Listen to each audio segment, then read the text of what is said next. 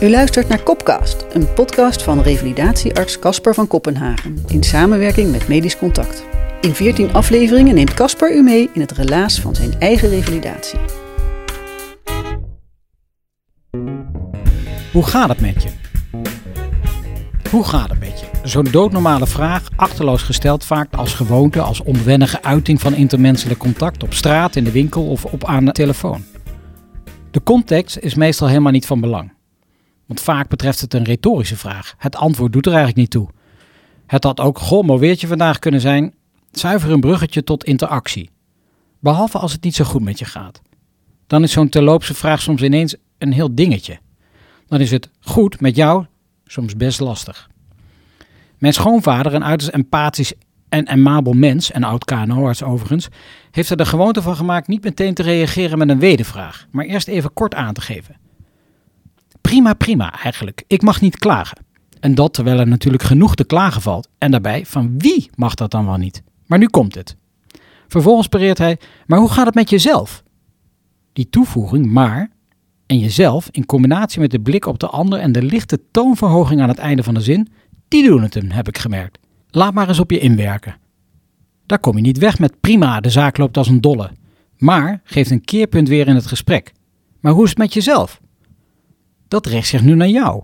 En hoe gaat het eigenlijk met jezelf? Is een doordringende, verdiepende vraag. Existentieel eigenlijk. Leuk dat het mooi weer is, dat je druk, druk, druk hebt, dat de kinderen als een speer gaan. Hoewel zij natuurlijk het meeste last van de COVID hebben, bla, bla, bla. Maar hoe is het met jezelf? Gaat juist over jou, over jouzelf. Ja, blijf dan nog maar eens oppervlakkig. In een andere sociale context dan de goed op straatgesprekken, namelijk de spreekkamer, komt hij natuurlijk ook vaak voorbij. De hoe gaat het met uw vraag? Waarop eigenlijk het hele zorgsysteem gebaseerd is. Tuurlijk, labuitslagen, CT-scans, MRI's. Ik ga even naar uw knie kijken. Dat doet er ook toe. Maar de basisvraag, hoe gaat het met u, zou nog altijd het uitgangspunt moeten zijn van goede zorg. Tijdens mijn reïntegratieperiode als revalidatiearts stel ik die vraag aan een voor mij onbekende patiënten. MS dit jaar vastgesteld in het traject doorlopen gericht op het fitter worden, verwerking en acceptatie, maar vooral op het herstellen van de balans tussen belasting en belastbaarheid, door het opdoen van inzichten in eigen functioneren en het aftasten van haar nieuwe grenzen. Dat leren we haar namelijk hier bij de revalidatie. Daar zitten we op. En laat dat nou precies zijn waar ik al jaren mee worstel. Waar liggen mijn grenzen eigenlijk? Mijmer ik wat terwijl ik het gesprek voorbereid. Gaat u zitten, mevrouw. Hoe is het met u? Open ik de vraag. Goed, prima eigenlijk. Maar hoe is het eigenlijk met uzelf? Ik begreep dat u een tijdje uit de relatie bent geweest. Oké, die had ik niet zien aankomen. Hier zit een soort schoonvader voor me. Hoe weet u dat eigenlijk, vraag ik licht achterdochtig, want het stond niet bepaald in de Telegraaf mijn uitvallen. Tja, ik weet het niet zeker, maar een mens hoort nog eens wat. En ik ben nogal goed in de lijntjes verbinden, zal ik maar zeggen. Nou ja, mijn man is verpleegkundige op de acute afdeling van het Groene Snavelziekenhuis. Hij versprak zich tijdens het afwassen dat hij een bestuurder uit Den Haag op zijn afdeling had. En ik had die dag een wachtkamer gehoord dat de baas onderuit was gegaan. En nu tref ik een nieuwe dokter aan, die hier tijdelijk is. Ik heb u even gegoogeld. 1 en 1 is meestal 2. Nou, toen heb ik de zaken aan elkaar gelinkt. Oké, dus niet vanuit het roddel- en achterklap circuit, zeg ik maar, of via de tamtam. Dat scheelt. Dus ja, ik was benieuwd hoe het met u zelf gaat. Ik ben licht van slag, maar eigenlijk ook wel aangenaam verrast dat ze het durft te vragen. Ik returneer dat ik me nu al in ieder geval een stuk beter voel met zoveel vriendelijkheid. Ik mag niet klagen, ik mag niet klagen. Blij dat ik weer aan het werk ben. Ik weet het gesprek gelukkig al snel weer naar haar te verplaatsen. Het ging er toch niet om mij. Patiënten heeft ook het nodige achter de kiezen, zal ik maar zeggen, nadat de diagnose multiple sclerose is gesteld. Tijdens het consult blijkt deze dame wel haast de ideale patiënt. Alles wat we haar hebben kunnen leren, draagt ze uit. Grenzen bewaken, agenda naleven, nee zeggen, keuzes maken, rustmomenten inbouwen, ook als het niet goed voelt of als het niet uitkomt.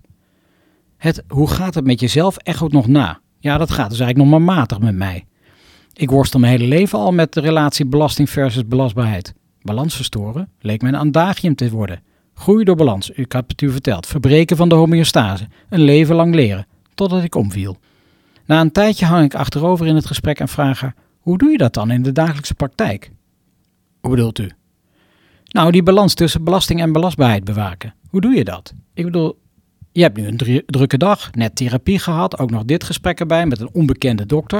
Het is prachtig weer buiten en jouw goede vriendin appt zometeen. Even bijkletsen, wijntje doen. Wat doe je dan? Nou, Dan heb ik haar terug, vandaag niet, en dat accepteert ze. En belangrijker, ik accepteer dat ik wat mis. Dat fear of missing out, dat was wel een dingetje bij mij, dokter. En vooral ook altijd maar weer hard werken en doorgaan. Van kinds af aan met de paplepel ingegoten.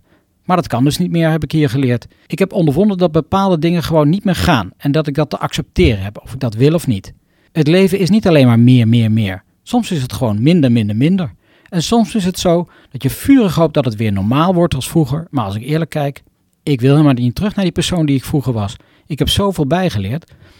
Mijn ervaring dat als je het je omgeving uitlegt, dan is er altijd begrip en respect. Dus ook bij die vriendin die me straks vraagt een wijntje komen te drinken samen op een terras. Kon je me vroeger voor wakker maken. Voor dat wijntje, begrijp me goed. Het begrip is er vooral als ik vertel dat als ik wel zou komen, we wellicht een leuke avond hebben, maar dat ik dan een rotnacht zou hebben en de volgende dag gewoon kan wegstrepen. En wellicht dat mijn baas en mijn klanten moet teleurstellen. En weet u dokter, als er geen begrip is, dan worden die relaties ook weer duidelijker. Dan staat kennelijk mijn welbevinden niet op hun lijstje. Maar vertelt u nog eens, hoe gaat het met uzelf? We leren uit boeken, uit publicaties, van elkaar, van moeilijke casuïstiekbespreking. Maar bovenal leren we van onze patiënten, iedere dag weer. U luisterde naar revalidatiearts Casper van Kopenhagen. In de volgende aflevering van Kopkast Ah, je weet niet wie ik ben. Oké, ik moet me hier pitchen. Ik moet mezelf laten zien. Daar heb ik me niet helemaal op voorbereid, bemerk ik. Kopcast, een podcast van Medisch Contact.